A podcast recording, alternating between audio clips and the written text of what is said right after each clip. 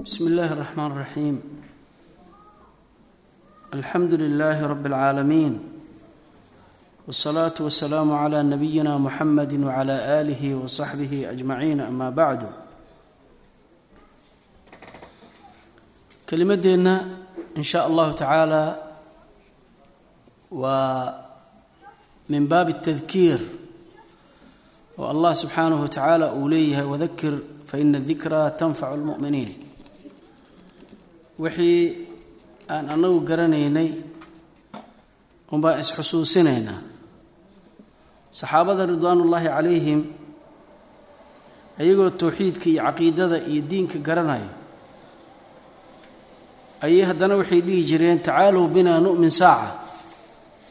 Kaalaya aan isku imaanno bal hal saac waqti ka mide owqaadda aan ilaahay rumayno subxaanahu wa tacaala iimaankeenna aan tajdiidinno marka kelimadda aan galabta kelimadeenna ihi waxaa weeye waa xowla tawxiid.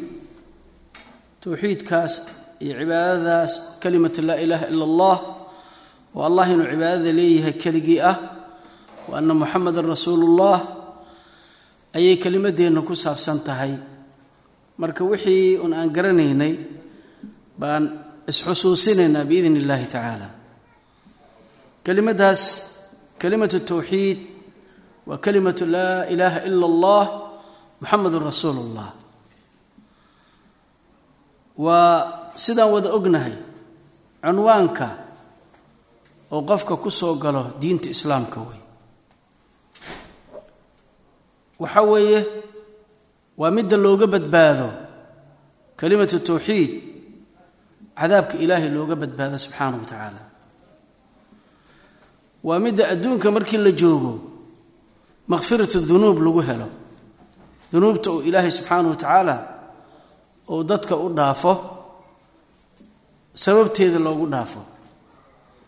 Waa midda kelimatu towxiid noqoto sababun lidukhuuli iljanna addoonka inuu jannada ilaahay galo ay sabab ugu noqoto kelimadaas way waa kelimatu towxiid kelimadaas oo qofku yacni shuruudeeda uu la yimaado ilaahay dartiina uu kelimadaas ugu dhawaaqo qalbigana uga ictiqaadiyo jawaarixdii iyo xubnihiina uu kaga camal falaahi.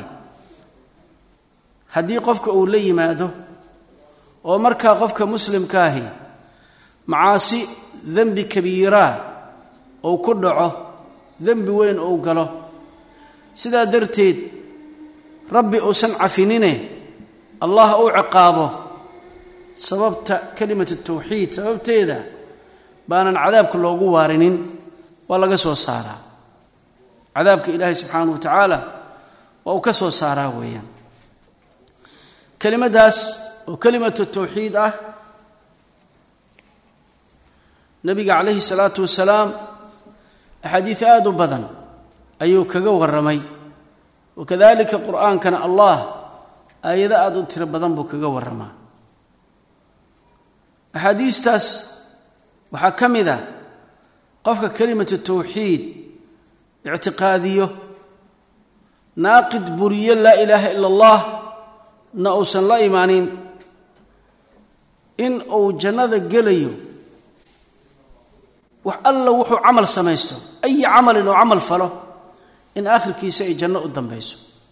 Hadduusan rabbi cafinin asagoo dunuub la yimid allah uusan cafinin oo naar la geeyo markii wixii uu dunuubtuu soo galay laga gudo oo laga gooyo lagu cadaabo inuusan cadaabka ku waarine laga soo saarayo. Axaadiista noocaasa tilmaamaysa oo qofka laa ilaaha illa allah muxamedun rasuulullah xaqiijiyo inuu jannada ilaahay gelayo aada u tiro badan tahay. Waxaa ka mid a xadiidka imaamu albukhaari wa imaamu muslim saxiixeynkooda ay ku wariyaan xadiidu cubaadata bni saamitin radia allahu canhu. Cubaadata bnu saamit wuxuu leeyahay samictu rasuula allahi sala allahu calayhi waaalih wasalam yaquul rasuulkaoo leh baan maqlay man shahida an laa ilaaha ila allah wa ana muxamadan rasuulu اllah wa ana ciisa cabdullahi warasuuluh wa kalimatuhu alqaaha ilaa maryam wa ruuxun minhu wa ana aljannata xaqun wannaara xaqun adkhalahu allahu aljannata cala ma kana min alcamal wa fii riwaayatin adkhalahu allahu aljanna min ayi abwaabi aljannati athamaaniyati shaa. Xadiidkaas nabiga wuxuu leeyahay calayhi salaatu wasalaam qofka qiro laa ilaaha ila allah muxamadun rasuulu llah oo allah subxaanahu wa tacaala cibaadadiisa u qariro u suga asaga keliya. Nabiyullaahi moxamedna calayhi salaatu wasalaam mutaabacadii uu la yimaado oo isaga raaco nebiyullaahi ciisa inuu addoon ilaahay yahay rasuul alle yahay kelimaddii ilaahay uu ku ehaysiiyey kelimatu kun oo maryamo loo lagu riday ruuxda alla xaggiisa ka timid ay tahay qofka qiraa jannada iyo naartu inay xaq yihiin qofkii qiro. Intaas qofka la yimaado nebigu wuxuu yidhi adkhalahu allahu aljanna. Jannaduu ilaahay geeyaa uu geliyaa calaa maa kaana min alcamali. Wax alla wuxuu doono dusheeda camal ha ku sugnaado. Wuxuu doono ha sameeyo jannaduu gelaya. Riwaayo kale waxay ahayd ilaa adkhalahu allahu aljanna ilaahay jannaduu geliyaa min ayi abwaabi aljannati amaaniyati shaa. Jannada irdaheeda sideedda ah meel alla irid alla iriduu ka doono ayuu allah subxaanahu wa tacaala ka geliyaa. Marka calaa maa kaana min alcamal marka la leeyahay wuxuu doono oo camalaba ha sameeyo hadduu naaqid laa ilaha ila allahu buriyo uu ka fogaado oo laa ilaha illa allahu aynan ka burin laakiin macaasi ou la yimaado. Meesha u dambaysa waa janna way. Macnaheedu maaha naar ma gelayo looma jeedo. Laakiin jannaduu ilaahay geeyaa haddii khalad uu ka dhaco markii uusan rabbi cafinine la soo cadaabo laguma waariyo sida mushrikiinta kufaarta loogu waariye aakhirka jannaduu gelaya weeyaan. Sidoo kaleeta xadiid imaamu muslim fii saxiixii uu ku wariyo kitaabu liimaan abu hurayrana uu nebiga ka warinaayo calayhi salaatu wasalaam nebigeenna wuxuu yidhi isagoo abu hurayra la hadlayo yaa abaa hurayra idhab binaclaya haatayni. Wuxuu siiyey labadiisii kabood. Nabiga labadiisii kabood buu abu hurayra u dhiibay. Wa acطaahu naclayhi. Labadiisii kabood buu u dhiibay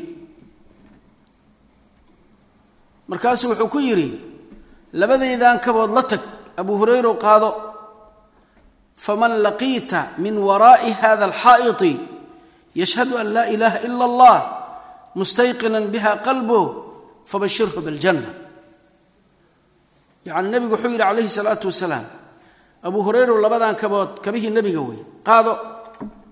Yacni markaad hadalkayga sheegayso yacni inaad dharkaygii qayb ka mida waxay yani alaabteydii qayb ka mida inaad wadato dadku ogaadaan oodan been sheegaynin. Waad aragteen ilmaha marka qofka uu carruurta markuu wax u dirsanayo oo maalan qof uu yaqaano wax uga dirsanayo annaga waa isticmaalnaa soomaalida dukaan baa wax looga dirsanaya odagii inuu taga ma rabo. Ilmaha yarka in la aamini waayo inuu ka baqaa markaasuu ama koofidiisa u dhiibay ama cimaamada u dhiibay ama waxbuu siinaya si lagu garto. Markaasuu leeyahay odagiiba waxaan iisoo diray calaamadaasuna wataa yarku way isticmaalaan. Marka nebiga kabihiisa markuu u dhiibay abu hureyra inuusan been sheegaynin say u ogaadaan ayaa kabaha loogu dhiibay.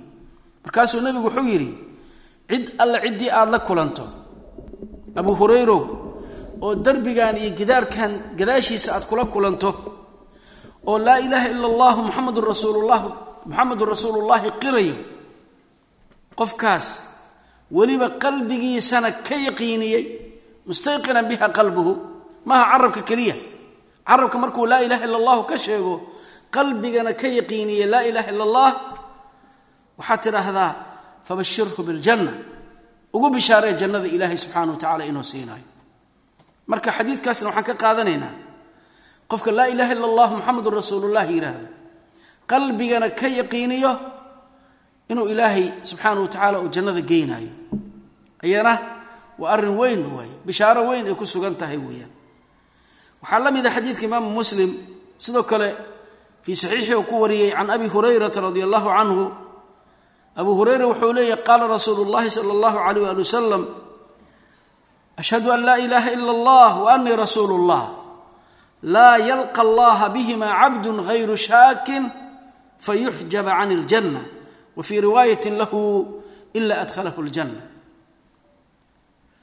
xadiidkaas nabigu wuxuu yidhi calayhi salaatu wasalaam kelimadda ashhadu an laa ilaha ila allah wa ana muxamadan rasuulu kelimatu tawxiida qofna labadaa kelimo ilaahay maalinta qiyaamaha kulama kulmo isagoo wato ilaahay lama kulmo addoonkaasoo aanan laa ilaaha ila allahu muxamadun rasuulullah marna aysan qalbigiisa shaki ku soo dhicin yaqiin uu aaminsan oo markaasi jannada ilaahay loo diido laga xijaabo wax dhacaya ma jirta buu le laga xijaabi maayo. Riwaayo kale waxaa weeye ilaa dakhala aljanna haddouba jiro addoon rabbi la kulmay oo laa ilaha illa allah muxamadun rasuulullah shaki aanan ka qabin oo yaqiinsan inuu jannada ilaahay gelayo. Yacni arrinkaas ayuu nebiguna noo sheegay salawaatu ullahi wasalaamu calayh. Waxaa la mid a weli axaadiista tusayso jannada inuu gelayo qofka shahaadateynka xaqiijiyo. Xadiidka cuhmaan ibni cafaan radi allahu canhu oo uu imaamu muslim fii saxiixii uu ku soo saaray wuxuu yidhi rasuulka calayhi salaatu wasalaam man maata wahuwa yaclamu annahu laa ilaaha ila allah dakhala aljanna. Qofka dhinto isagoo garanayo cilmi u leh laa ilaaha ila allah macnaheeda garanayaa dhinto.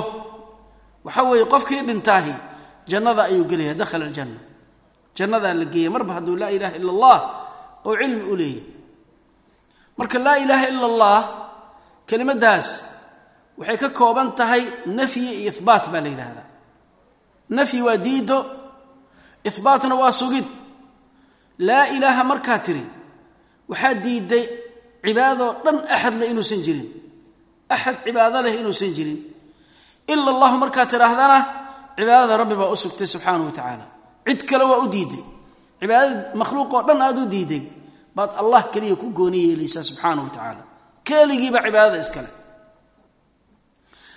muxamedun rasuulullahna iyadana waxa weeye waa taxqiiqu lmutaabacati lirasuuli illahi sal alla alay wasalam maxamed markaad u qirto nabiyullaahi moxamed calayhi salaatu wasalaam inuu rasuul ilaahay yahay markaa u qirto rasuul ilaahay inuu yahay markaa u qirtahay waxa weeyaan waxaad ka badbaadaysaa adduunyada bidacda iyo waxa xunoo dhammaad kaga badbaadi.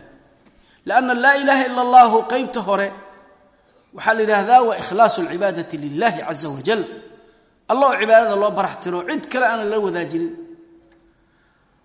muxamedun rasuulullahna waa taxqiiqu lmutaabaca lirasuuli illahi sala allahu calayh wasalam nebiga oo raacitaanka loo barax tiro oo aan cid kaleeto la raacin asaga mooye wixii diin ah aana cid kale lagu raacin ilaa nabiyullaahi moxamed mooye calayhi salaatu wasalaam. Marka qeybteeda hore laa ilaaha illa allah qofku wuxuu kaga badbaadaa shirkiga. Ama kiisa akbarka ha noqdo ama kiisa asqarkaaba ha noqdo. Midkiisa weyn iyo kiisa yar labadaba uu kaga badbaadaa. Muxamedun rasuulullahna wuxuu kaga badbaadaa qofka bidcooyinka. Inuu bidco ku cibaadaysto ayuu kaga badbaadaa. Mar hadduu nabiyullaahi moxamed raacay waa uu badbaaday inuu bidac dhex galo ayuu ka badbaadaya weyaan axaadiistaas waxaa ka mid ah xadiidka abu darin oo aad u bishaarada badan oo nebiga ka wariyey bukhaari iyo muslimna ay soo saareen.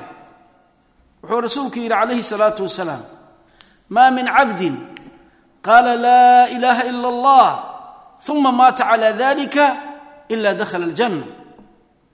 Ma jira addoon oo addoommada ilaahay ka mida oo yidhi laa ilaaha ila allah yani moxamedun rasuulullahna way la jirtaa kelimadaas ku dhawaaqo.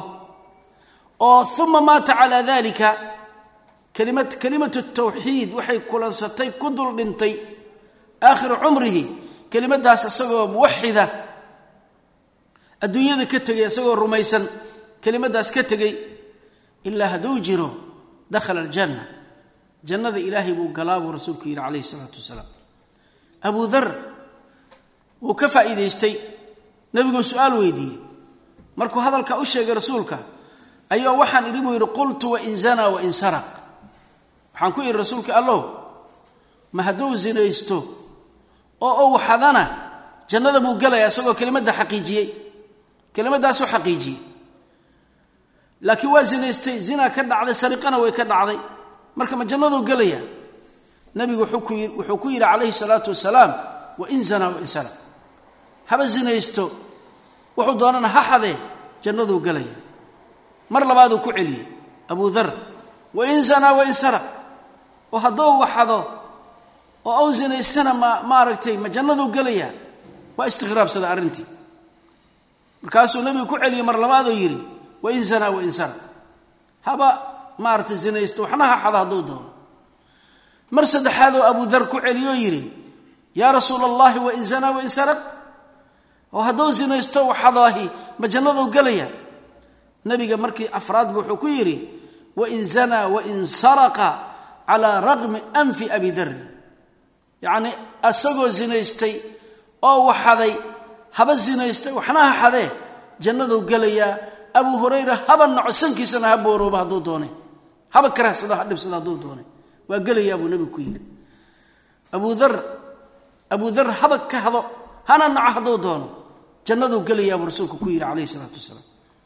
Abu dar markuu baxayay wuxuu ku yidhi wou baxay isagoo odhanayo wain raqima anfu abi darri abu dar afkiisaba sankiisaba ha booroobay isagoo hadalkii nabiga ku celcelinayo ayuu ka tegay majliskii nabiga ka tegay calayhi isalaatu wasalaam xadiidkaas wuxuuna tusayaa qofka markii towxiidkiisa uu saafi yeelo oo rabbi u baraxtiro labadaa kelimo oo kalimatu tawxiid la yidhaahdo labada shadri ka kooban markuu xifdiyo oo markaa zine iyo sariqo ay ka dhacdaahi inaysan zinada iyo sariqadaasi ka reebaynin jannada ilaahay inuu galo subxaanahu wa tacaala. Marba hadduu muwaxid yahay.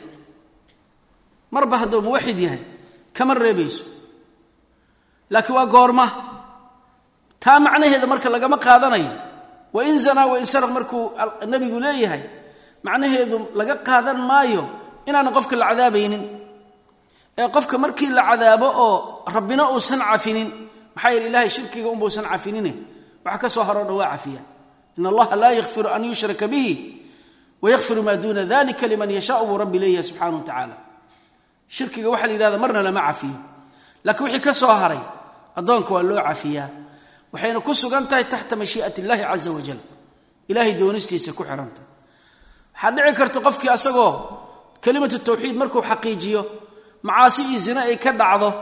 ounan ka toobo keenin. Isagoon ka toobo keeninna ou dhinto. Waa taxta mashii'at illaahi baana. In shaaa cafa canhu hadduu doono ilaahay subxaana wa tacala oo iska cafiya. Isagoo biduuni xisaabin walaa cadaab. Baa rabbi intuu fadligiisa ku cafiyo buu jannadiisa geyn karaa. Hadduu doonana wuu cadaabaa rabbi. Isagoo zinadii sarqadii ka dhacday baa la cadaabi markii laga gudo wixii dembigii ou galay. Naarta lagu waarin maayo waa laga soo saariyo jannadaasuu ugu dambayn gelaya macnaha marka xadiidka uu ka hadlaya waxa weeye wuu rad rad wuxuu ku yahay labada qolo oo ahlubidaca ka mid a ee macaasida dadka ku gaalaysiiso. Laba qolo oo ahlubidaca ka mid a oo macaasida dadka ku gaalaysiiyo labadaasuu rad ku yahay xadiidka weeyaan. Labadaas waa kuwe. Waa alkhawaarij walmuctasila la yidhaahdaa khawaarijtii muctasiladu waa laba firqo oo firqooyinkii firqu daalla ka mid ahoo muslimiinta soo maray. Baaqina noqonaya ilaa qiyaami saaca aahaartooda xun ay ka dambaynayaan. Gruubkaas dadkaasi ayaa waxay aaminsan yihiin qofka markii macsi uu galo oo dembi kabiiraa uu ku dhaco uunan ka toobo keenin sidaa uu ku dhinto inuu kaafir yahay. Adduunka waxay leeyihiin marba hadduu macsi ku dhaco waa kaafir. Khawaarijta saas way tasriixiyaan oo way caddeeyaan waxay leeyihiin qofka kaafir buu noqonaya ama muctasiladu waxay leeyihiin islaamki waa ka baxay oo iimaanki waa ka baxay kufrina ma gaarin. Laakiin laba gooraba xukumkooda adduunka way ka saareen iimaanka way ka saareen. Ama xukumkooda xukumka axadkaas macsida la yimid fi laakhira waa isku mid khawaarijta muctasilada farqi ma kala laha. Waxay leeyihiin qofka dembi kabiiraa la yimaado kuna dhinta isagoon ka toobo keenin naartaa lagu waariyaabay qabaan wuu ku waaraya. Marka xadiidka nabiga beeninaya nabigu wuxuu yidhi wa in zanaa wa in saraq. Macnaha zinadii iyo sariqadii kama mancin karto jannada ilaahay inuu galo. Ama ilaahay fadligiisa ku cafin karaayo jannada hore ka geyn karaa maadaama taxta mashii'at illahi macaasidii aysan shirki gaarsiisnayn mashii'ada ilaahay ay ku sugan tahay. Ama markii la soo cadaabo dabadeed baa ilaahay jannada geeni laakiin marna mukhallad fi naar ma noqonayo weyaan marka qoladaas ayuu rad ku yahay xadiidkaasi weeyaan. Ahlu sunnuhu sidaasay qabaan. Dadka ahlu sunnaha waxay qabaan wixii shirki ka soo haray inuusan qofka ku gaaloobaynin. Ee macaasidaa zinada iyo sariqada uu la yimid iimaankiisa inuu nusqaaminayo. Qofka iimaankiisa ku nusqaamayo. Sida taacadaba iimaanka ugu kordho cibaadada iyo camalka saalixa oo iimaanka ugu ziyaado baa macaasiduna ayay iimaanka ugu nusqaamaa oo ku nusqaamaa weeyaan. Marka nuqsaantaas baa ku dhacayse iimaankii bilkuliyan qofka kama bixi kara bay leeyihiin. Arrintaasna waxaa tusayo in qofka xataa haddii la soo la soo naaro inay laa ilaaha ila allah muxamadun rasuulu llahi yowm min alayaam maalin maalmaha ka mid oo zamankiisa ka midihi inay anfacayso xadiidka alimaamu albazaar fii musnadihi oo ku warinaayo xadiida abi hurayra raggiisana rijaasha sanadkuna ay saxiix yihiin wuxuu leeyahay nabiga calayhi salaatu wasalaam laa ilaaha ila allah nafacathu yowma min dahrihi yusiibuhu qabla dalika ma asaabahu. Yacni wuxuu leeyahay kelimadda laa ilaaha ila allahu la yidhahdo qofka muuminka way anfacday way anfacaysaa yowman min dahri. Yacni zaman cumrigiisa ka midihi way anfacaysaa weeyaan. Yusiibuhu qabla dalika maa asaabahu. Wixii asiibo haba asiibeen intaysan yani maaragtay nafciga uusan helin aysan laa ilaha illa allahu anficin ka hor hadday rabaan ha soo asiibeen halasoo haba la soo naara haddii la doonee. Laakiin naarta lagu waarin maayo waa ka soo baxayaa. Macnahaas ayuu maaragtay xadiidkaasna u faa'iideyni weeyaan. Bidalika wajha allah. Alla dartiiba kelimada laa ilaha illa allah muxamedun rasuulullah ula imaanaya. Hadday jirto in allaha xarama cala annaari man qaala laa ilaha ila allah yabtaqi bidalika wajha allah. Marka kelimadaas oo kelimat tawxiid ah waxa weeye waa sababun lidukhuuli ljanna sidaan soo sheegnay. Waxa weeye waa sababun linajaati min annaar sababun lilnajaati min annaar jannada sababta lagu galo cadaabkana looga badbaado waa kalimat tawxiid wey. Kelimadaasaa yani kalimat tawxiid. Kalimat tawxiid waa kalimat liimaan waxay kulminaysaa saddexda saddex arrimood baa laga rabaa. Carabka qofka inuu kaga dhawaaqo laa ilaaha ila allah muxamedun rasuulullah inuu yidhaahdo. Qalbigan inuu ka ictiqaadiyo laa ilaaha ila allah muqtadayaadka iyo waxay gudanaysa laa ilaaha ila allahna oy la imaanaysay kulansatay xubnihiisa inuu kaga camal falo. Oo maalan markuu qofku laa ilaha illa allah muxamedun rasuulullah yidhaahdo waxay keensanaysaa qofkaasi inuu rabbi subxaanahu wa tacaala ateeco oo waajibaadkii la amray la yimaado muxaramaadkii manhiyaadkii laga reebay iyona inuu ka haro bay keensanaysaa laa ilaha illa allah waxaana u horreeya bacda shahaadateyn qofka inuu salaada la yimaado salaada uu tukado soonka uu soomo xajka haddii uu istitaaco u leeyahay uu xajiyo xoolihiisa haddii ay nisaab gaaraan oo xoolo yeesho inuu ka sakeeyo iyo wixii la mid ah weeyaan. In uu ka haro waxyaalaha rabbi ka reebay qatliga iyo dilka zinada iyo macaasida khamra shurbul khamraha khamrada oo la cabo qiibada dadka muslimkaa la xanto yacni maaragtay wax alla wixii manhiyaadoo dhan oo rabbi ka xariman waa inuu ka hara waxyaalaha muqtadayaadka laa ilaha illa allah laa ilaha illa allah waxay keensanayso qofka inuu xaqiijiya baa la raba oo camalka uu ku sameeyo. Walidalika ahlu sunnuhu yidhaahdaan iimaanka markay tacriifinayaan ayagoo ahlu bidaca ku khilaafsan waxaa la yidhaahdaa wa annutqu billisaan walictiqaadu biljanaan iyo walcamalu bilarkaan inuu xubnaha carabka kaga dhawaaqo qalbiga ka ictiqaadiyo xubnaha inuu qofku ka camal falo ayaa la yidhaahdaa laa ilaaha ila allah macnaheedu markaasuu kaamil yahay weeyaan. Marka ay laa ilaaha ila allah muxamadun rasuulullah sababteeda allah uu cadaabka dadka kaga badbaadinayo. Jannadana ilaahay uu ku siinayaahi. Waa markay yacni tawafurto ay uruurto laa ilaaha ila allah shuruudeedii oo dhan la helo ay kulansato.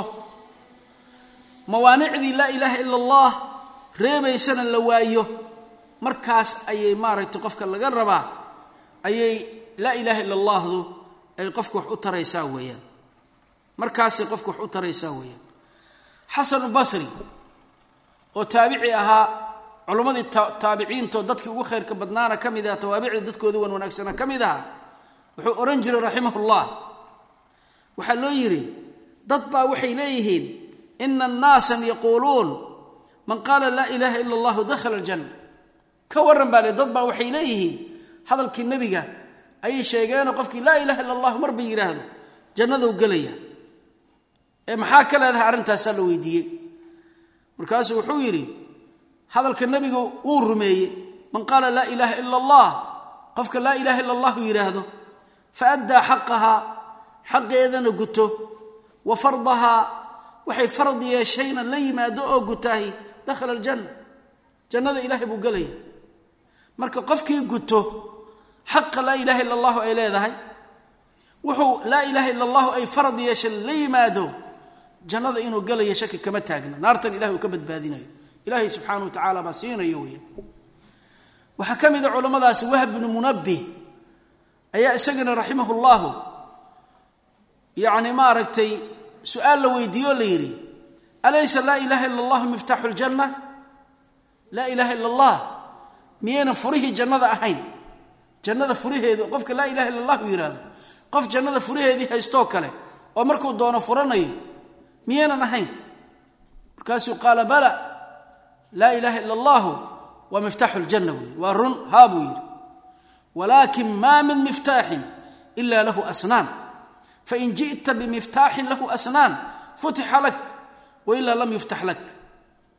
Xadiidkaas imaamu lbukhaari isagoo mucallaqa ayuu wariya tacliiq buu ku wariyaa weeye. Wuxuu yidhi waa run buu yidhi laa ilaha illa allah waa miftaaxu ljanna jannada furaheedii wey laakiin wuxuu yidhi furo kasta kulligii wuxuu leeyahay ilka buu leeyahi yidhi. Furo walba ilkou leeyahay. Haddii aad la timaado miftaax ilka leh haddii aad la timaado jannada waa laguu furaya. Laakiin furo aanan aanan ilka lahayn oo iska siibanoo saa ah haddaad la timaado laguu furi maayo jannada. Macnaha muxuu ka wadaa? Furaha jannada miftaaxaas ilkaha uu leeyahay. Yacni waxa weeyaan waa muqtadayaadkii laa ilaaha ila allah waa xaqeedii iyo faradkii oo xasanulbasri uu sheegay. Yacni baa loo jeedaa. Waa in laa ilaaha ila allahu muxamedun rasuulullah markuu yidhaahdo qofka waxay laa ilaaha ila allahu gudanaysay ay keensanaysay oo dhan inuu qofku la yimaado. Inuu la yimaado baa la doonaya. Marka qofkii miftaaxaas iyo furaha la yimaado waa loo furaa. Waa loo furaa laa ilaaha ila allah. Qofkaan la imanin waxaa weeye de miftaax aan af lahayn qof wato ayuu la mid noqonaya. Ku furi maa maanta dhan quful oo fura maaragtay ganagana u baahan leh doonayo. Haddii furo siibanoo saas af keliya aad gelisa miyuu kuu furmaya? Kuu furmi maayo. Marka laa ilaha illa allahda waa in camalkii la socdaa waa inuu ictiqaadkii la socdaa waa inaysan nudqi keliya noqon ku dhawaaqid carabka keliya waa inaysan noqonine labadii kale ictiqaadkii camalkiiba inay raacaan ayaa la doonaya xasanu basri wuxuu samayn jiray raximah llahu baa wuxuu ka qayb galay. Nin farasdaq la yidhaahdo oo shaacir ahaayo gabyaa ah waqtigii bani umaya aad buu gabyaabuu ahaan jiray. Laakiin nin cay badan buu ahaa isagii nin jariir la yidhah isku gabi jiray waa iscayi jireen markaasuu ninkii uu yacni maaragtay xoolo ka rabana waa ammaanaya hadduu wax ka waayana waa caynaya oo gabay buu ku caaya. Ninkaasoo iska cay badnaa ayaa xaaskiisii dhimatay. Markaasuu xaaskii aasayay. Xaaska asagoo aasayo ayaa su'aal la weydiiyey farasdaq waa ninkii gabyaaga ahaa. Waxaa la yidhi farasdaqow aad maanta xaaskaadii baad aasaysaaye? Maa acdadta lihada alyowm. Maantaas oo qiyaamaha qabriga oo qofku gelayo maxaa u diyaarsatay? Baa layidhi waa adiga dadka iska caaye. Maxaa u diyaarsatay? Farasdaq wuxuu yidhi waxaan u diyaarsaday shahaadatu an laa ilaha illa allah mundu sabciina sana yacni muslim baan ahay ilaa toddobaatan jiraan maanta ahay buu yidhi. Toddobaatan sano baan laa ilaha illa allahu aaminsanaa buu yidhi. Taasaan u diyaarsaday buu yidhi. Xasanu basri baa maqlayay marka. Markaasu wuxuu ku yidhi nicma alcudda.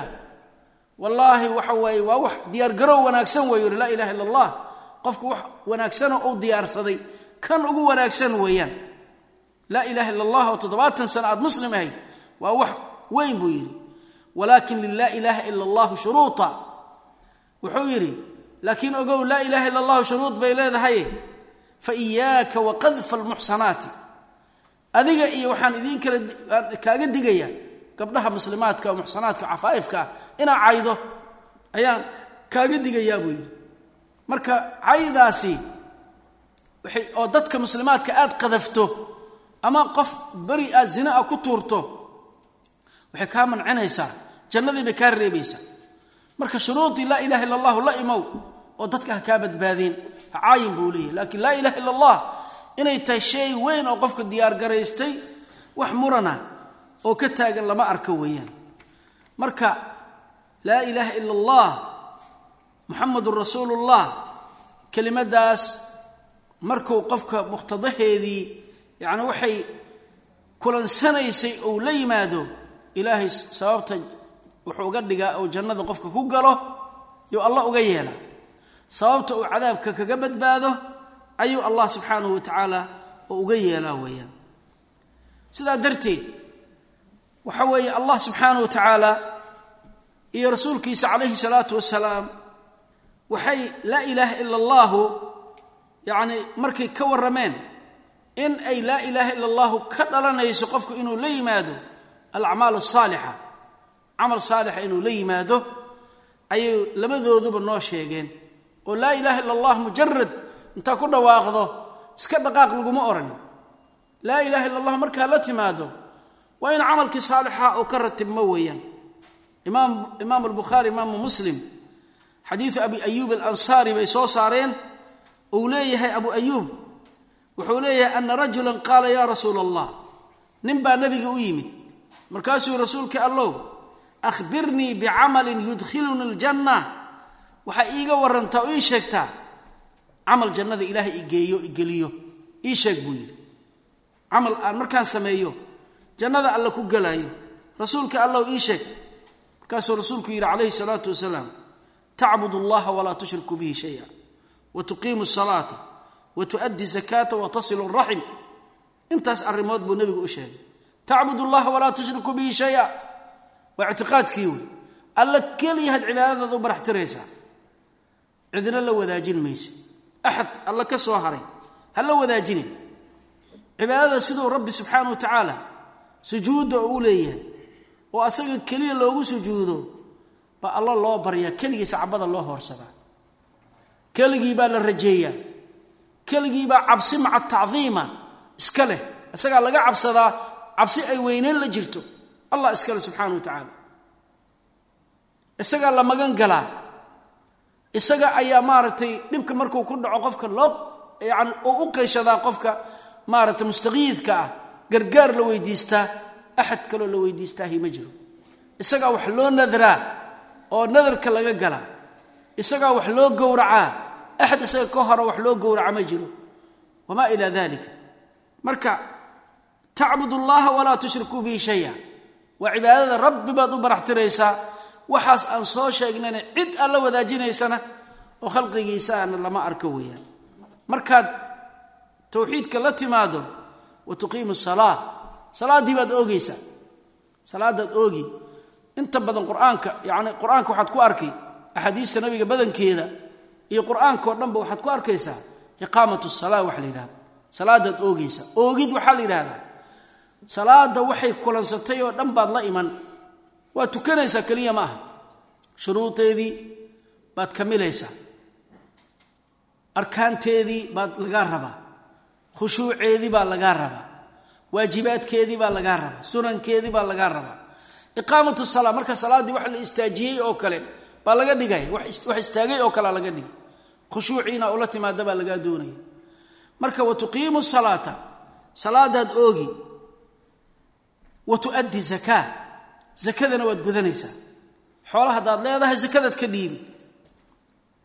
Wa tasilu raxima qaraabadaadana raximkaagana waad xidhiirinaysaa.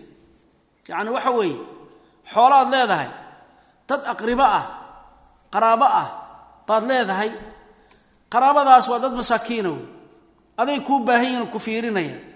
Inay cid kale u hanqaltaagaan oo eegaan lama doonayo waa inaad dadka ka kaafisaa adiga. Adiga inaad wax tirtoo siisa baa la doonaya wa tasilu raxim. Raximkii baad xidhiirinaysaa oo aqribadaada ah xoolahaadaa ku xidhiirinaysaa. Qowl wanaagsanaa ku xidhiirinaysa haddaadan xoolo u haynin. Silaturaxim waxaa lagu gaaraa ajri aad u weyna lagu gaaraa. Qaraabada oo la xidhiiriyo oo khayrka lagu xidhiiriyo wanaagga ajri weyn baa ilahay agtiisa looga helaa. Mid ah oo hadda xadiidu abi ah abu hurayra baa wariyey. Bukhaariyo muslimna xadiidkaas waa labadaba way soo saareen. Wuxuu leeyahay abu hurayra sidoo kale buu yidhi ana rajulan qaala yaa rasuula allah ninbaa wuxuu yidhi rasuulka allow dullanii calaa camalin idaa camiltuhu dakhaltu ljanna camal itus shaqo oo haddii aan sameeyo aniga aan jannada gelayo itus buu yidhi. Ii sheeg sidii uu abu ayuub xadiidkiisii oo kale ayuu haddana sheegay laakiin wax yaru ku daray. Wuxuu yidhi tacbud allaha walaa tushrikuu bihi shaya rasuulka odhanaya ilaahay keliyaad caabudaysaa cidna lama wadaajinaysa. Wa tuqiimu salaata salaadii almaktuubata salaadii waajib ka ahaydna waad oogaysaa. Shanta salaadood qofka jamaaca inuu ku guto markuu qiyaamkeedii la yimaado haddana waxaa ka mida iqaamadeeda masaajidii in lagu tukado in jamaacaad lagu tukado ayay iqaamatu salaa ka mid tahay weeyaan wa tuaddi zakaata almafruuda. Zakadii lagugu farad yeelayna waad bixin. Wa tasuumu ramadaan. Bisha ramadaankana waad soomaysaa. Marka intaa markuu nebigu u sheegay ninkii ayaa ninkii wuxuu yidhi wاladii nafsii biyadihi laa asiidu calى hada shaya walaa anqusu minhu.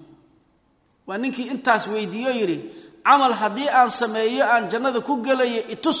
Rasuulka allow markuu yidhi oo nebiga uu sheegay yacnii afartaa arrimood towxiidka kadib iyo saddexdaa arrimood oo salaaddii iyo sakadii iyo soonkii ah markuu u warramay ayuu wuxuu ninkii dhaartay oo yidhi allihii naftayda ay gacantiisa ku sugnayd baan ku dhaartaye laa asiidu calaa hada shay-an. Intaas aad ifartay wax kale kuma kordhinayo ku dari maayo. Walaa anqusu minhu. Waxna ka nusqaamin maayo. Waxaan ka nusqaaminaya lama arko siday ahayd baan ula imaanaya. Markaasaa ninka iska tegay markuu ninkii baxay nebiga saxaabadiisa la fadhido. Markaasuu nebiga saxaabadiisa wuxuu ku yidhi man sarahu an yandura ilaa rajulin min ahli اljanna falyandur ilaa hada qofka uu farax gelinayo inuu adduunka ku arko qof ahlu ah ninkaasii socda ha ego ninkaas ahlu ah. Muxuu ku helay jannada ilaahay? Intaas oo nebigu uu faray ayuu yidhi waxba ka nusqaamin maaye siday taan ula imaani. Towxiidkii salaadii sakadii soonkiibu intii la faray siday ahayd baan ula imaanaya. Marka cid alle ciddii ula timaado intaas oo maaragtay nebigu uu ka warramay calayhi salaatu wasalaam siday tahayna ula yimaado waxa weeye jannada ilaahay buu ku galaa subxaana wa tacaala weeyaan. Jannada allou ku galaa. Waxaa og tihiin jannada ilaahay iyo dembi dhaafka bacda tawxiidi waxa lagu helo towxiidka kadib waxa lagu helaahi inay ka mid tahay waxyaalaha kabaa'irka dunuubta waaweyn inuu qofku ka fogaado. Maxaa yeele muqtadayaadka laa ilaha illa allah ay ka mid tahay. Ilaa waxaan idhi waa in lala yimaada awaamirtii sida salaadii iyo zakadii iyo soonkii iyo silatu raximkii wixii nusuusta noo sheegtay in lala yimaado. Halala yimaado baa la yidhi. Waa in laga haraa cagsigooda wixii muxaramaadka ah. Taariku salaadnimadii. Inaad ka harto maanicu zakaadnimadii. Yacni soon la'aantii. Yacni maaragtay qaaicu raximkii qaطcu raximkii raximkoo la gooye iyo wixii macaasi oo zinadii iyo wixii la mid ahi oo dhan marka qofku inuu ka fogaado kabiirada dhan inuu ka fogaada baa la rabaa. Maxaa yeele waxaa tusayo aayadda fii suurati nisa ku jirto rabbi leeyahay in tajtanibuu kabaa'ira maa tunhawna canhu nukafir cankum sayi'aatikum wanudkhilkum mudkhalan kariima yacani rabbi wuxuu yidhi haddii aad ka fogaataan kabaa'ira maa tunhawna canhu waxaa la idinka reebayo dunuubtooda waa oo kabiirada markaad ka fogaataan nukafir cankum sayi'aatikum dunuubtiinni kale waa laydiin dhaafaa ilaa dunuubta kabiirada iyada towbaa lagu dhaafay towbaa lagu daaya sakhaa'irkiinnina waa idiin dhaafaynaa buu yidhi. Kuwii yaryaraana oo sayi'aadkiina waa idiin asturaynaa buu rabbi yidhi subxaana wa tacaala. Markaan idiin asturno wanudkhilkum mudkhalan kariima. Waxaan idin gelinaynaa makaan wanaagsan oo jannadii ilaahay ah subxaana wa tacaala. Jannadiina waa idin gelinaynaa weeyaan. Wanudkhilkum mudkhalan kariima. Dunuubta marka kabiirada maxaa la yidhaha dembi kabiiraha? Culammada tacriifaad badanay sheegaan laakiin tacriifta iyo qeexidda ugu wanaagsan ay ku qeexaan waxaa la yidhaahdaa wax alla wixii shareecada ay xad ka ratibto hadduu qofku la yimaado loo xadayo waa kabiira wey. Wax alla wixii loogu goodiyo lagu tahdiido qofka qadab iyo caro inuu kala kulmaayo caro ilahay inuu kala kulmaayo. Wax alla wixii lacnad lagu xarimo lagu lagu lagu yani lagu khatimo oo lagu hadido in ilaahay uu lacnadayo qofki waxaas la yimaado sidaa loogu goodiyaahay ayaa kabiirada la yidhaahdaa weeyaan. Waxaa xadka ka ratibmana waa taqaanaan qof buu dilay oo dulmi ku dilay. Waxaa weeye xad qisaas la yidhahdaa ka ratiban waa loo qisaasaya. Atraaftabuu gacan buu maarata dad ka gooyey qisaastii baa la mida ma dilin qofkii laakiin ama gacan buu ka gooyey ama lug buu ka gooyey waa loo qisaasaya xad baa laga ratiba xoolow xaday oo maaragtay xatooyaba sariqow la yimi xad baa ka ratibmayo gacantaa laga goynaya. Qof buu zino ku tuuray oo ku qadfay oo yidhi zaani baa tahay ama zaaniyad baa tahay? Waxaa lagu dhufanaya siddeetan jeedalaa lagu dhufanaya xad buu leeyahy qof baa zinaystay isagoo nikaax aan soo marin xad buu leeyaho boqol jeedalaa lagu dhufanaya boqol karbaash baa lagu dhufanaya. Yacni qof baa isagoo nikaax soo maray zinaystay waa la rajminaya waa la dilaya wuxuu noqday qofkii qaaticu ariiq jidkiibuu jidgooyo dhigtay oo isbaaro dhigtay. Markaasuu dadka ku dhacaa xoolahooda qaataa cirdigooda kubsadaa waa dilaa. Jaza ilaahay u yeelay. Lug io gacan isdhaaf in loo jaro si ay dadka uga badbaadaan. Waxaasoo dhan wixii xuduudda laga ratibo ayay ka mid tahay. Khamrow cabay afartan jeedala lagu dhufanaya. Waa la karbaashaya wax alla wixii xad laga ratibo waa dembi kabiiraa wey waxa lacnada iyo qadabka uu ka dhacana. Ayaguna sidoo kale wey. Qadabka iyo carada wixii lagu khatimo lagu tahdiido xoolo agoon buu cunay. In aladiina yakuluuna amwaala alyataama dulma inamaa yakuluuna fii butuunihim naara wasayaslawna saciira naara loogu goodiye weeyaan. Tahdiidka wey. Dadka muminiinta dadka dhibo oo dulmi ku dhiba waxayna kasbanin ku dhibo allah muxuu yidhi wladiina yuduuna almuminiina wlmuminaati bigayri ma ktasabuu faqad ixtamaluu buhtaanan wa iman mubiina dembi weyn ayay dusha saarteen iyo masabidaad wax alla wixii marka yani arrimahaasoo dhan ah waxa weeye oo ama xad uu ka ratibmo ama maaragtay cuquuba yani xad cuquubaa laga ratibo ama caro ilaahay ama maaragtay lacnad ay ka ratibanto waxa weeyaan waa dembi kabiiraa wey tacriiftaasaana ugu fiican in lagu maaragtay lagu fasiro weeyaan. Calaa kulli xaalin axaadiistaas hadda aan soo tirinay axaadiistaas oo qofka laa ilaaha ila allahu muxamedun rasuulullah yidhaahdo inuu jannada ilaahay gelaya ihi waa mutlaqa la yidhahda waa axaadiis mutlaqa ah. Yacni axaadiis maarata caama wey laakiin axaadiis waxaa jirto takhsiisinayso khaas ka dhigayso oo xiraysa baa ku jiro. Taqyiid ku samaynayso. Sidaa darteed waxaa la yidhaahdaa maadada maaragtay usuulka la yidhaahdo usuul fiqiga markay culammadu ka hadlaan haddii aad aragto shay mutlaqahoo caama haddaad aragto shay mutlaqa ama shay caama markaa aragtid oo shay kaloo mutlaqa maxaan ujeeda ama khaas ah ama muqayada aad aragto la xiray waa lagu xambaaraa mutlaqaas shaygaas yacni caamka ihi waxaa lagu xiraa shaygii khaaska ahaa amase maaragtay muqayadka ahaa baa lagu xambaaraya weeyaan. Sidaasaa la rabaa.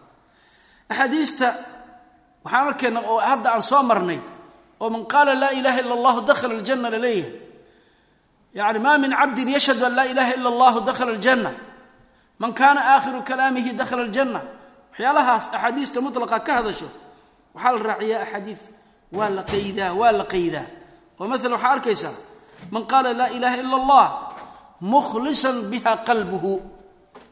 Waa inuu qalbiga horta ikhlaas kala yimaado.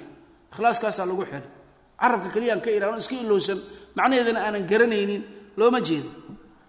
Wuxuu leedahay axaadiista mustayqinan biha qalbuhu waataan soo marnay. Qofka laa ilaha illa allah markuu leeyahay waa inay yaqiin jirtaa qalbiga oo ka yaqiiniy waxa weeye yani waxaa ka mida riwaayaadkaasi oo muqayadka taqyiidka ku samaynayo man qaala laa ilaha ila allah yaquuluhaa xaqan min qalbihi yacni xaqnimo si dhab ahan carabka uga oranayo iyo wixii la mid ah ayaa la yidhaahdaa waxaa lagu xirayaa inuu laa ilaha illa allahda macrifo u leeyahay.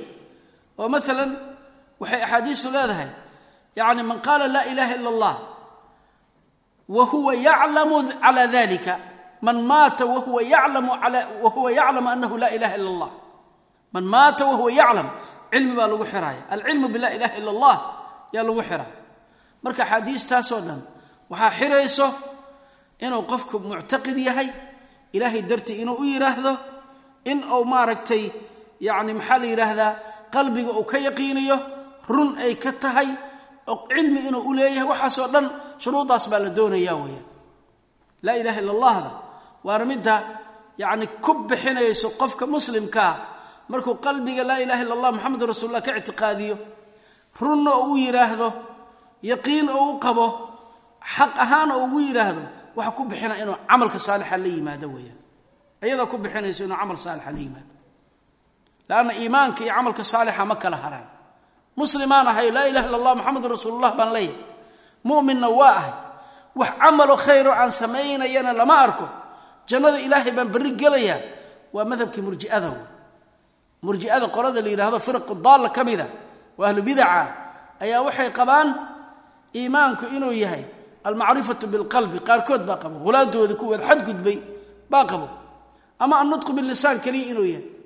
Carabkaba haddaa kaga dhawaaqda bay leeyihiin oo laa ilaha illa allah mar aad tiraahdo wax camaloo lagaaga baahan yahay oodan weligaa khayr samayn salaad ma aadan tukan ma soomin ma aadan xoolihii kama aadan xajin adoo istiaacadii leh kama aadan zakaynin. Iyo wixii la mid ah muxaramaadoo dhanna haddaad la timaada bay leeyihiin. Oo aadan wax aad dhaafto muxarama uusan jirin marba haddiiba aad carabka laa ilaha illa allah uga dhawaaqdo mu'min kaamiluliimaan aad tahay cadaabna is arki maysaan bay leeyihiin. Waa madhabka ahlubidaca weeye.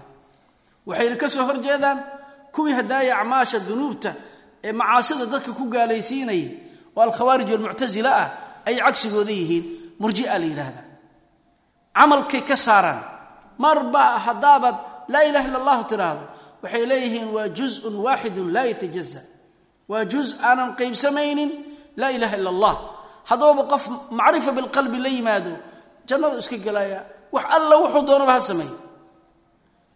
Wax alla wuxuu doono ha sameeyo oo shar ah.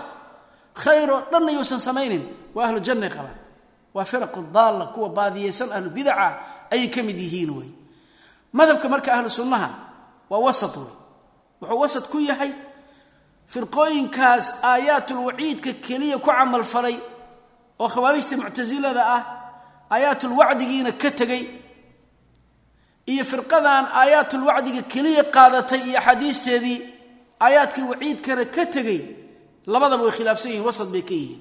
Ahlu sunnahu waxay kulmiyaan aayaat alwacdi walwaciid. Axaadiis alwacdi walwaciid. Labadaba way kulmiyaan. Axaadiista oo cadaabka iyo qofka in la naarayo iyo cadaab inuu gelayo yani caro ilaahay la kulmayo iyo aayaadka ka hadlayo iyo aayaadka jannada iyo ridaha ilaahay iyo hawaabta alleh inuu qofka helayo labadaba way ku dhaqmaanoo way kulmiyaan. Macnaha aan soo sheegnay mayna ku kulmiyaan weeyaan. Macnaha aan soo sheegnay bay ku kulmiyaan macnahaas ku kulminaya. Laakiin qolooyinkan kale midba miday qaadatay kuwii kalena farahay ka qaadeen. Khawaarijtii muctasilada waxay rajaxdeenay qaateen aayaadka un cadaabka keliyaha aayaadkii khayrka ahay oo dhan waa tuureen kumana dhaqmaan oo jannadii iyo ridaha ilaahay ah. Murji'adana waxay qaadatay aayaadkii khayrka iyo ridaha ilaahay iyo jannada keliya qaadanayay aayaadka waciidka iyo cadaabka ka dhan xaggay ka tageen. Ahlu way jamciyeen wey walidaalika waxaa la rabaa qofka muslimka ahi inuu mar walba ku noolaado bayna alkhawfi waalrajaa ilaahay caradiisa iyo cadaabkiisa inuu ka baqo jannada ilahay iyo hawaabtiisa inuu rajeeyo ciqaabka ilaahay inuu ka baqo jannada ilaahay iyo maarata ridihiisa iyo hawaabtiisa inuu rajeeyo ayaa mar walbaba la doonaya weya marka laa ilaaha ila allahu muxamedun rasuulullah axaadiista qaydayso aaday u tiro badan tahay. Culimmadana shuruud bay u sameeyaan. Shuruudaas oo shuruudu laa ilaaha ila allah la yidhaahdo way tiro badan tahay. Culammada dhowr bay ku tilmaamaan shuruudu laa ilaaha ila allah. Waa iska soo kokoobaynaa insha allahu tacaala. Shardiga ugu horeeyo waxa weeye waa inuu qofku laa ilaha ila allahu cilmi u leeyahay. Macnaheedu inaad garanayso laa ilaaha inay nafyi tahay ila allahuna inay ihbaat tahay. Nafyi macnaha laa ilaha laa ilaahada inaad cibaadadoo dhan diiddo. Ila allaahuna inaad cibaado sugayso ood rabbi keliya ku gooni yeelayso. Muxamedun rasuulullahna inay mutaabaca ku tusayso oo nebi moxamed in la raaco calayhi salaatu wasalaam oo cid kaloo mutaabaca laho la raaco aysan jirin inay ku tusayso inaad cilmi u yeelataa la rabaa. Maxaa yeelay nabiyullaahi moxamed calayhi salaatu wasalaam oo rasuulka allah oo waxyigan u soo dhiibay ah ayuuba rabbi kula khitaabaayoo yidhaahdaa faclam annahu laa ilaaha ila allah wastakfir lidanbika walilmu'miniin allah subxaana wa tacala sidaasuu leeyay walilmuminiina wlmuminaat faclam annahu laa ilaaha ila allah. Nabigaa lagu yidhi cilmi u yeelo oo baro laa ilaaha ila allah. Kelimaddaa marka qofka muslimka inuu oo kelimadda odhanayo inuu laa ilaha ila allahu cilmi u leeyaha la rabaa nafyi ihbaat inay ka kooban tahay. Cibaadadoo dhan rabbi keliya leeyahay. Cid kaloo cibaadala aysan jirin. Allah yani keligii inuu macbuud koonkan ka yahay. Wax ka soo harana addoommo u yihiin. Iyo nabiyullaahi moxamed inuu rasuulka mutaabacada leh uu yahay.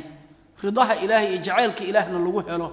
Qul in kuntum tuxibuuna allaha fattabicuuni yuxbibkum allahu ku dheh baa la leeyahy haddaad rabbi jeceshihiin oo dad ilaahay jecel aad tihiin aniga iraaca ku dheh ummadda nabi moxamed markaad aniga iraacdaana rabbi idin jeclaanay subxaana wa tacaala weeyaan.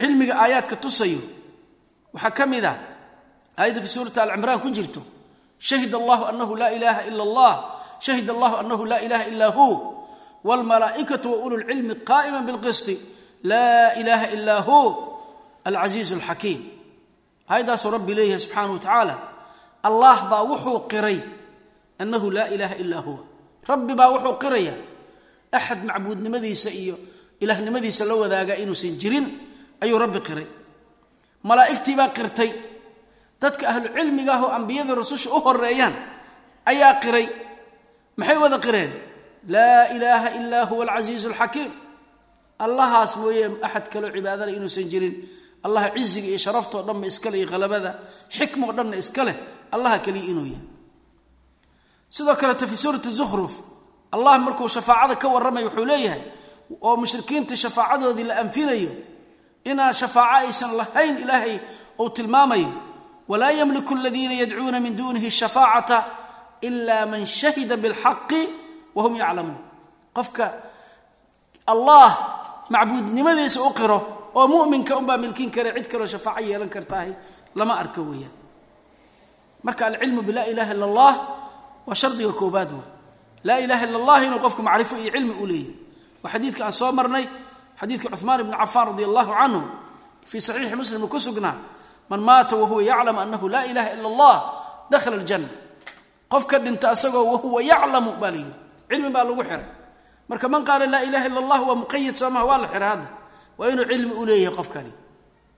Macnaha labaad. Oo shardiga labaadee laa ilaha illa allahu ay leedahay waxaa weeye oo min shuruudi laa ilaha illa allahu ka midihi waa inuu qofku yaqiin. Laa ilaha illa allahu inuu yaqiiniyo. Yaqiintu xaggee ka dhacdaa qalbigay ka dhacdaa waa inaad qalbiga ka yaqiiniso markaad macrifo iyo cilmi u yeelato dabadeed allah mooye axad kaloo cibaadale inuusan jirin. Nabiyulaahi moxamed mooye axad kaloo mutaabacale inuusan jirin. Inuu yaqiin dhab a ula yimaado laa ilaha illa allahu waxa ay kulansanaysay oo shakigana uu ka fogaado ayaa la rabaa weeyaan. Maxaa yeelay allah muminiinta markuu ka warramayay fii suurati alxujuraat wuxuu yidhi inama almu'minuuna aladiina aamanuu biاllahi warasuulihi uma lam yartaabuu wajahaduu biamwaalihim waanfusihim fi sabiili اllah ulaa'ika hum asaadiquun muminiinta dhabta ihi waa kuwe. Waa dadka allah iyo rusushiisa rumeeyo allah iyo rasuulkiisa rumeeyo. Markay rumeeyaan uma lam yartaabuu aanan shakin marna aanan ka shakinin. Shakiba uusan qalbigooda ku dhicina yaqiin keliya uu qalbigooda yahay. Haddana markay yaqiiniyaan jihaad fii sabiili illaahi oo ilaahay kelimadiisa inay kor noqoto u dagaalamo. Naftooda u bixiyo xoolahoodana u bixiyo. Dadkaas way dadka iimaankooda runta ka sheegay buuri ulaaika hum saadiquun. Kuwa iimaanka dhabta ka sheegay waa kuwaasi weeyaan. Marka waxay tusaysaa markuu qofku cilmi laa ilaha illa allah u yeesho ou macrifo u yeesho inuu yaqiinna la helaa inay laga marmaanta hadduusan qofka iimaankiisa yaqiin uusan helin waxay noqonaysaa iimaankii munaafiqiintu ay sheegan jireen. Carabkii laa ilaha illa allahu ka dhihi jireen. Laakiin qalbigooda way ka shakisnaayeen. Siduu rabbi subxaana wa tacaala uu noogu sheegay wuxuu leeyahay allah inamaa yastadinuka aladiina laa yuminuuna biاllahi walyowmi alaakhir wartaabat quluubuhum fahum fii raybihim yataradaduun dadka nabiyulaahi moxamed idanka weydiisto. Waxa weeye oo markay jihaadka ka tegayaan cudurdaar ka weydiistaahi. Waxaa weeye inamaa yastadinuka aladiina laa yuminuuna biاllahi walyowmi alaakhir dadka allah yowm alaakhira aan rumaysnayn. Markaasaa la yidhi wartaabat quluubuhum.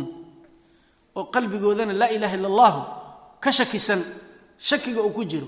Fahum fii raybihim yataradaduun shakigooda saa ugu dhex wareersanoo ku dhex gadgadoomayo waa kuwaa weeyaan wuxuu leeyahay xadiidka aayaddaas waxaa la mid a xadiidka imaamu muslim fii saxiixi uu ku wariyey can abi hurayrata radi allahu canhu qaala qaala rasuulu llahi sal alla alay wasalam rasuulka allah wuxuu yidhi ashhadu an laa ilaaha ila allah anii rasuulu llah waa xadiidkii hore aan u soo marnay. Laa yalqa allaha bihima cabdun gayru shaakin fayuxjaba can iljanna laa ilaha ila allah muxamedun rasuulu llah qof muslimoo ilaahay qiyaamo kula kulmahay ma jiro oo aanan marna hayru shaakin shaki aanan qalbigiisa gelin. Laa ilaha illa allahu qalbigiisa waxba shaki kama gelin. Oo kolkaa fayuxjaba can iljanna jannada ilahay laga xijaabo ma dhacaysa buu leeyahy jannadou gelaya. Riwaayadii kale waataan sheegnay ilaa dakhala aljanna. Marka xadiidkaasna waxaan qaadanaynaa inuu qofku aan ka qaadanaynaa yaqiin inay laga maarmaan tahay. Shaki hadduu ku jiro waa iimaan lama aqbalo qofkana naar sabab inuu kaga badbaado sabab uguma noqoto. Jannana maaragtay ku heli maayo mar hadduu laa ilaha illa allahu ka shakisan yahay. Maxaa yeelay nabigu wuxuu yidhi laa yalqa allaha bihima cabdun hayru shaakin qofaan marna shaki ka qabin ilaahay kulama kulmo labadaa kelimo oo laa ilaha illa allah muxamedun rasuulullah oo markaa jannada ilaahay loo diido ma dhacaysa buu leeyay waxaa weeye shardiga saddexaad waa inuu qabuul ula yimaado. Laa ilaha illa allah inuu aqbalo. Waxay kulansanayso waa inuu aqbala. Waa inuu aqbalo macnaheedu waxa weeye laa ilaaha illa allahu carabkaad uga dhawaaqday. Waa yaqiinisoo cilmi baad u yeelatay. Yaqiin baad haddana la timid. Waa inay xubnahaada ka muuqataa laa ilaha illa allah laa ilaha illa allah muxamedun rasuulullah. Jawaarixdaada xubnahaada waa inay ka muuqataa. Yacni waxa weeye in aadan marna iska weynaysiinin. Kelimatu laa ilaha illa allah waxay ku farayso o dhan. Haddii lagu yidhaahdo aayaddan qur'aankaabaa qur'aankay ku jirtaa saa i saasay faraysaa waa inuusan takaburi isla weynan uusan la imanin waa inuu aqbalaa alqabuulaa la rabaa waxay amraysa waa inuu la yimaado. Haddii la yidhahdo xadiidkaa nabigu ka sugnaaday calayhi salaatu wasalaam waa xadiid saxiixa ama xasana markii la yidhaahdo waa inuu aqbalaa waa inuusan iska weynaysiinin. Marka laa ilaaha illa allah waxa weeye dadka iska weynaysiiyaa oo aan aqbalin waa mushrikiinta wey siduu rabbi subxaana wa tacaala leeyahay inahum kaanuu ida qiila lahum laa ilaha ila allahu yastakbiruun wayaquuluuna aina lataarikuu aalihatina lishaacirin majnuun. Saasay odhan jireen. Waxaa weeye haddii la yidhaahdo laa ilaaha illa allahu iraahda waxay leeyihiin waa iska weynaysiin jireen yastakbiruun. Ma annaga yani aqbali mayna bay dhihi jireen way diidi jireen. Markaasay dhihi jireen nabi maxamed intay aflagaadeeyaan? Oo gabyaa waalan ay ka dhigaan bay leeyihiin. Nin gabyaa ahee waalan miyaan aalihadeenna uga tegaynaa? Oon alle keliya warkiisa aan ku caabudayna. Ma dhici karta bay yidhahdeen asnaamteenna iyo maaragtay waxaan caabudayna ka tegi mayna bay yidhahdeen. Amaa mu'miniinta waxa weeyaan waa dadka aqbalo kelimatu tawxiid kelimatu tawxiid way aqbalaan qabuul bay ula yimaadaan waxa ay faraysabay siday tahay u dhaqangeliyaan weeyaan. Wuxuu nabigee maaratay allah leeyahay subxaana wa tacaala qiyaamaha markuu dadka u badbaadinayo uu ka warramayo uma nunaji ladiina uma nunaji rusulana waladiina aamanuu kadalika xaqan calayna nunji lmu'miniin yacni dadkaas mu'miniinta oo dhabta ahe aayaadkaas waxa ay ay farayaan iyo axaadiista waxay farayaan aqbalay oo rususha iyo mu'miniintu ay u horeeyaan kuwaas ayaanu cadaabka ka badbaadinaynaa oo aan jannada ilaahay subxaana wa tacaala siinaynaa buu rabbi leeyahay subxaana wa tacaala marka shardiga saddexaad shardiga yacni maaragtay saddexaad waxa weeye laa ilaaha ila allah waxay kulansato oo dhan waa inaad aqbashaa.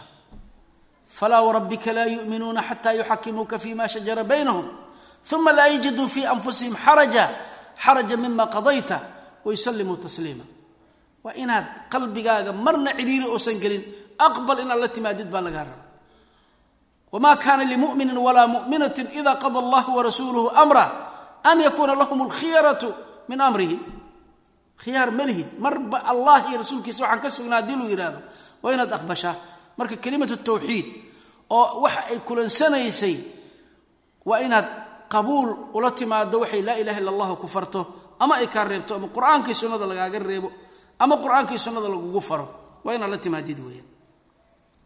Inqiyaad baa la rabaa qofka inuu hogaansamo oo ilaahay isku dhiibo subxaana wa tacaala islaamkeennaaba wuxuu yahay isdhiibiddaas weeyaan. Aayaddii haddaan akhrinayna ka mid ah falaa warabbika laa yu'minuun xataa yuxakimuuka fima shajara baynahum.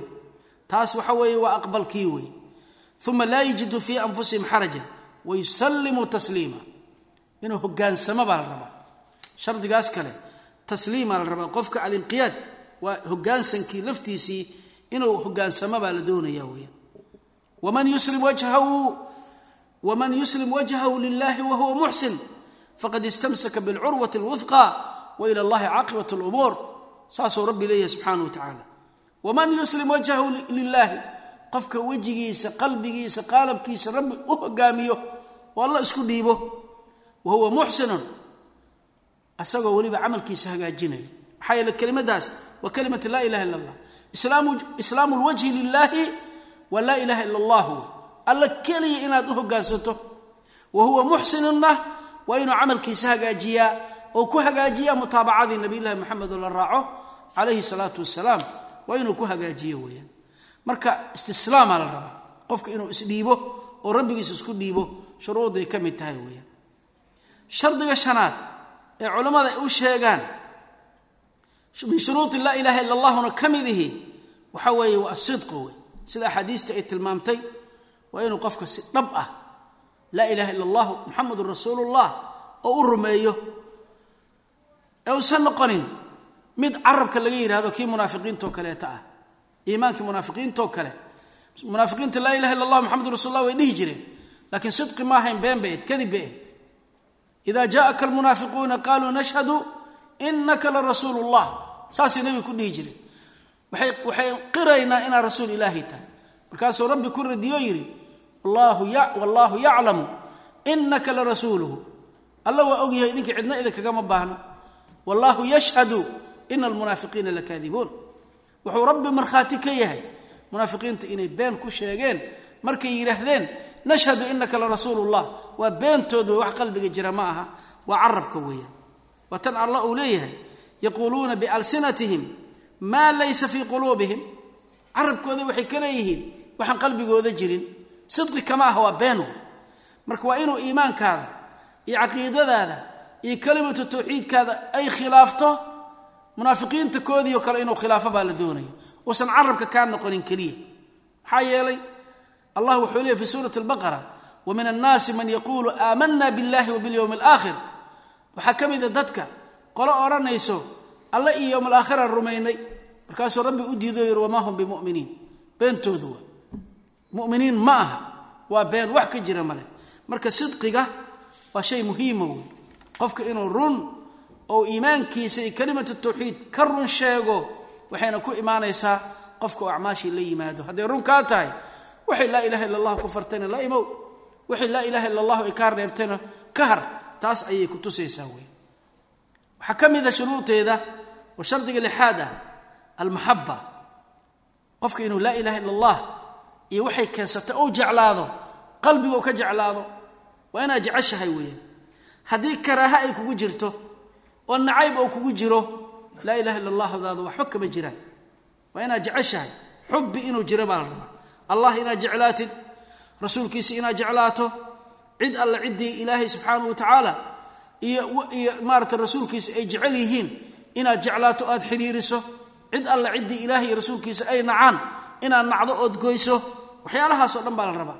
Laa ilaha illa allahda macaanidaasay kulminaysa xubbigaa wey hawadaada inaad khilaafto oo naftaada waxay jeceshoo khilaafsan nusuusta khilaafsan waa ina adna nacdaa taasaana laka dooni weya maxaa yeelay laa ilaaha illa allah waxyaalaha ay ku xaqiiqowdo waxaa ka mid ah oo qofka ay mid dhaba ugu noqoto maxabadaas baa ka mid ah weya markuu ilaahay mushrikiinta ka hadlayay fi suurati albaqara gaalada uu ka warramay wuxuu yidhi wa min annaasi man yatakhidu min duuni illahi andaadan yuxibuunahum ka xub illah waaladiina aamanuu ashaddu xuban lilah waxa weeye dadka waxaa ka mid a kuwo alla sokadii ilaahyaal samaysto ilaahyaal aan alla ahayn samaystay oo markaa jecel sida allah muminiintu ay u jecel yihiin oo kale ayagana aalihadooda u jecel. Marka muminka ilahay buu jecel yahay. Markaasuu rabbi yidhi waaladiina aamanuu ashaddu xuban lilah muminiinta ilaahay subxaanah wa tacaala jacaylkooda ay jecel yihiin aad buu u sarreeyaa oo wuxuu ka sarreeyaa mushrikiinta andaadooda ay jecel yihiin muminiinta ilaahay subxaana wa tacaala yani ka jacayl badan weeyaan shardiga yani shardigaas oo xubbiga ihi waa shardi aad iyo aad muhiim u ah wey nabigeenna calayhi salaatu wasalaam xadiid saxiixeynka ku sugan wuxuu leeyahay halaaثun man kuna fiihi wajada xalaawat aliimaan. Qofka saddex arrimood dhexdiisa ay ku sugnaatoo laga helaahay iimaanka macaankiisa iyo dhadhankiisa wanaagsan ayuu helaa. Waa maxay yani saddexdaasi? An yakuuna allahu warasuuluhu axaba ilayhi mima siwaahuma. Inuu allah iyo rasuulkiisa wax alla wixii ilaah iyo rasuulkiisa ka soo haray inuu rabbi iyo rasuulkiisa ka jeclaado baa la doonaya. Waa alxubu laa ilaha ila allah muxamedun rasuulu llah inuu qofku jeclaado waa midda koobaad wey wax alla wixii ilaah iyo rasuulkiisa ka soo haro makhluuqaada waa inaad alla iyo rasuulkiisa ka hormarisaa oo aad jeclaato weeyaan ka labaad wa an yuxiba almara laa yuxibuhu ila lilah calaamadda labaad oo xalaawat liimaan lagu helo waxaa weeye qofkaad jeclaanayso ilahay dartii ku jeclo. Sida qofkaad nacaysaba ilahay dartii inaad u nacdo la doonayo laakiin aadan u jeclaanin qaraabaan nahay isagoo mujrim oo faajira qaraabaan nahay aadan ugu jeclaanin. Isagoo mujrim oo faajira inaadan ugu gargaarin dulmi oo ku jira aadan ugu gargaarin oo aadan ka jeclaanin dadka ahlu khayrka ahlu iimaanka ah aadan ka jeclaanin.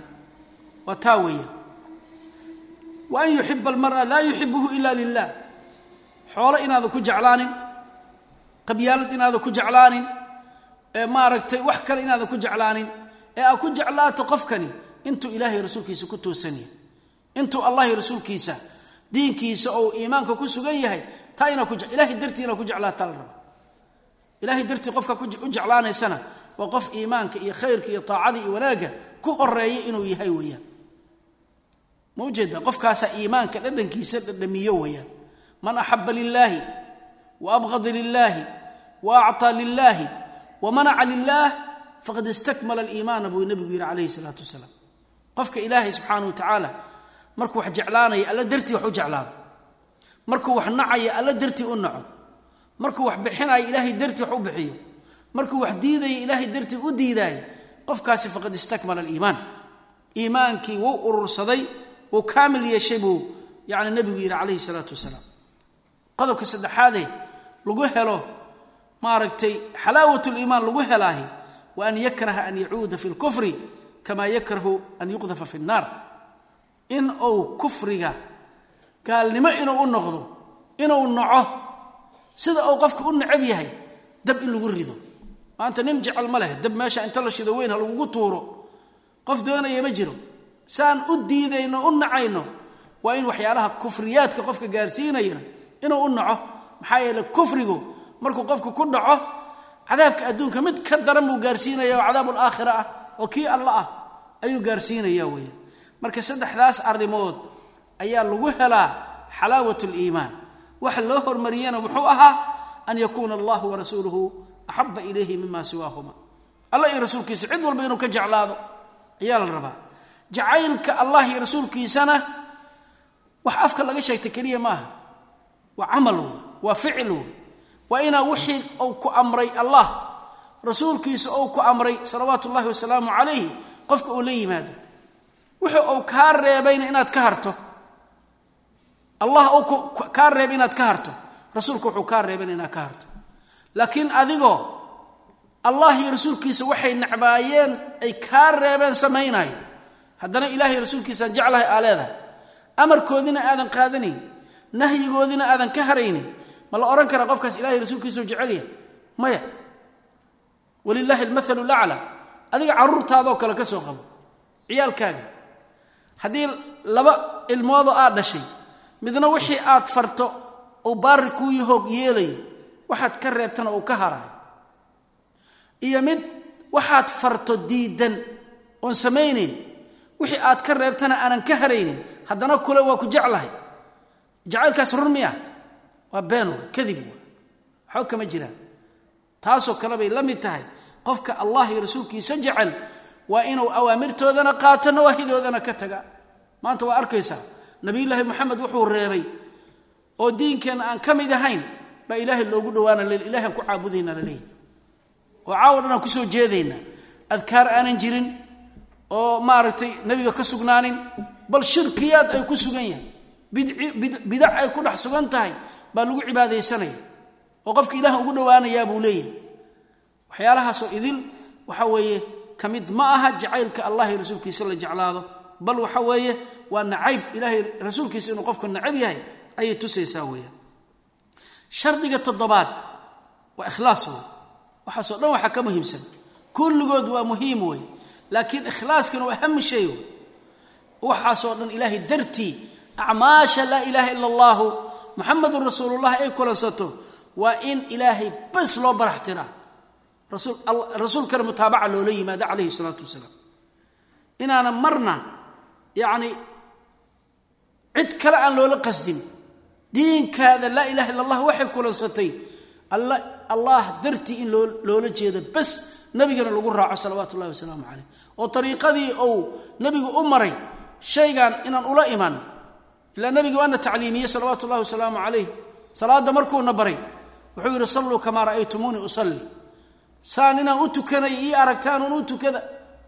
Xajka markuu xajiyey oo dadka acmaashoodii ou tusay ayuu wuxuu yidhi yacni maaragtay khuduu canii manaasikakum khuduu canii manaasikakum. Aniga acmaashiina xajka iga qaata aniga. Wuuna baray nabiga calayhi salaatu wasalaam. Marka ariiqatu rasuul in la raaco allana dartii loo khalliso aan cid kale lala wadaajinin cibaadadaada ilaahay u baraxtirta iyo towxiidkaada baa la rabaa weya marka markuu shuruudaasi qofka kulansado waxay noqonaysaa laa ilaaha ila allah asnaantii iyo ilkihii iyo ay lahayd laa ilaaha illa allah oo jannada miftaaxa ay u noqonaysay ayuu ka mid yahay weeyaan. Hadalka xasanubasri aan soo marnay yacni laa ilaaha ila allah waxa weeye waa miftaaxu ljanna laakiin maa min miftaaxin ilaa walahu asnaan fura ma jiro ilaa wuxuu leeyahay ilko. Fain ji'ta bimiftaaxin lahu asnaan futixat laka aljanna. Haddii aad fura maaragtay ilkala la timaado jannadii waa laguu furaya. Wailaa haddaadan la imanin lam yuftax lak. Jannadaa laguu furi maayo. Marka laa ilaaha ila allah waxaa weeye shuruudaasay leedahay ikhlaaskuna waa ahami shay wey wamaa umiruu ila liyacbudu allaha mukhlisiina lahu diin. Alaa lilahi diin lkhaalis facbud illaha mukhlisan lahu diin. Alaa lilahi diin lkhaalis qur'aanka waad ku arkaysaa aayadaha ikhlaaska ilaahay subxaana wa tacaala oo addoomma yani maaragtay ou maaragtay allah subxaana wa tacala addoommadiisa ou farayo baad arkaysaa weeyaan. Marka xadiidkii baa la mida xadiidu cutbaan ibni malik oo aan ka soo hadalnay ayaa la midahoo nabigu yidhi calayhi salaatu wasalaam qofka ilaahay bas u barax tiro oo shay kastou qabanayo ilaahay ula jeedo dartii u sameeya in naarta laga xijaabo. Faina allaha xarama cala annaari man qaala laa ilaha ila allah yabtaqii bidalika wajha allah bukhaariyo muslimin ay soo saareen. Ilaahay naarta wuxuu ka xarimaa qof kasta oo laa ilaaha ila allahu yidhaahdo ulana jeedo ula qasdaahi. Arrinta ilaahay dartii ula qasdaahi. Marka camalkaaga dhan oo laa ilaha illa allahu ay kulansanaysaa waa in ikhlaas iyo ilaahay dartii aad ula timaadid weeyaan. Marka kelimadeenni insha allahu tacaala intaas ayaan ku soo khatimayaa allah subxaana wa tacaala dadkaas towxiidka xaqiijiye ha naga dhigo. Jannadiisana ilaahay hamaarata hana geeyo cadaabkana ilaahay subxaana wa tacaala ha naga badbaadiyo annagoo muwaxidiin oo muminiin oo muslimiino ilaahay subxaana wa tacala oo sunniyiina adduunka hana oofsado. Annagoo muslimiina ilaahay hana oofsado. Balaayada iyo fitankan ilahay ha naga badbaadiyo. Hada wbillahi towfiiq wsala allah wslama cala nabiyina mxamedi waali saxbi wslm